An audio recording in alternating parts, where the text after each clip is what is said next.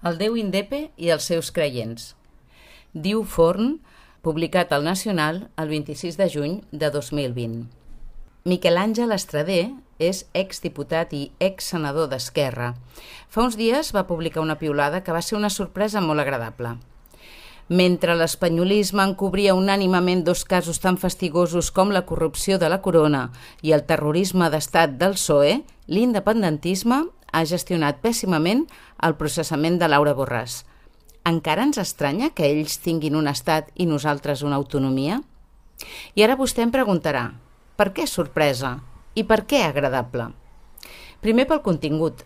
Estradé planteja una crítica urbi et orbe global, no només als altres, com és habitual, sinó també als uns. És una esmena a la totalitat, cosa que cada cop costa més veure i llegir. I després perquè planteja una reflexió autocrítica, una cosa més difícil que veure jugar Dembélé.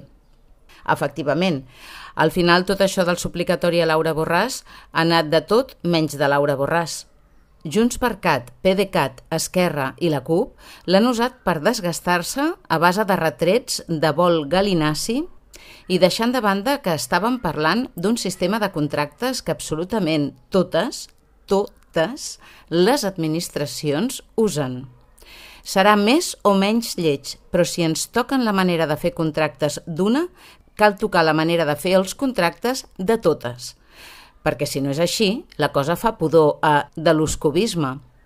Suposant que la qüestió que ens ocupa fos el buidatge del pis de la iaia un cop morta, cada un hi hauria entrat a sac per arreplegar el que sabia que fotia l'altre i no el que realment li feia falta per moblar casa seva.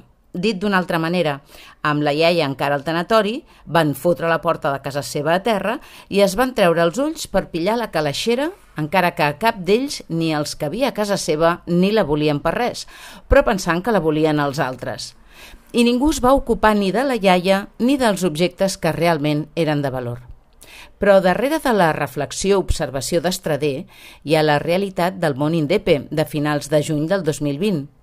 Quan parles individualment amb gent dels partits, la majoria et diu amb cara de resignació «Noi, quin espectacle estem oferint!» Però el continuen oferint. Els partits indepes ja no parlen d'independència, parlen d'eleccions i dediquen les poques energies que els queden a apunyalar-se a les xarxes socials, amb noms reals o amb trolls. L'Estat va fer miques l'independentisme institucional de la mateixa manera com el Madrid guanya últimament els partits, o sigui, aplicant-se les regles al seu aire, i amb Marchena controlant el bar.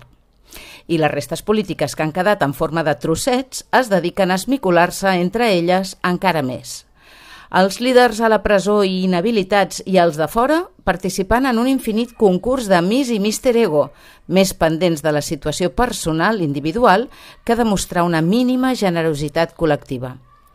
L'independentisme està ara mateix com l'Església Cristiana Catòlica. Els feligresos continuen creient en Déu, però ni van a missa ni fan cas del que els diu la cúria, perquè la cúria diu coses que estan fora del món real, Vaja, que el Vaticà i els bisbes van per una banda i els creients indepes callats i a casa duent la processó per dins. I mai millor dit.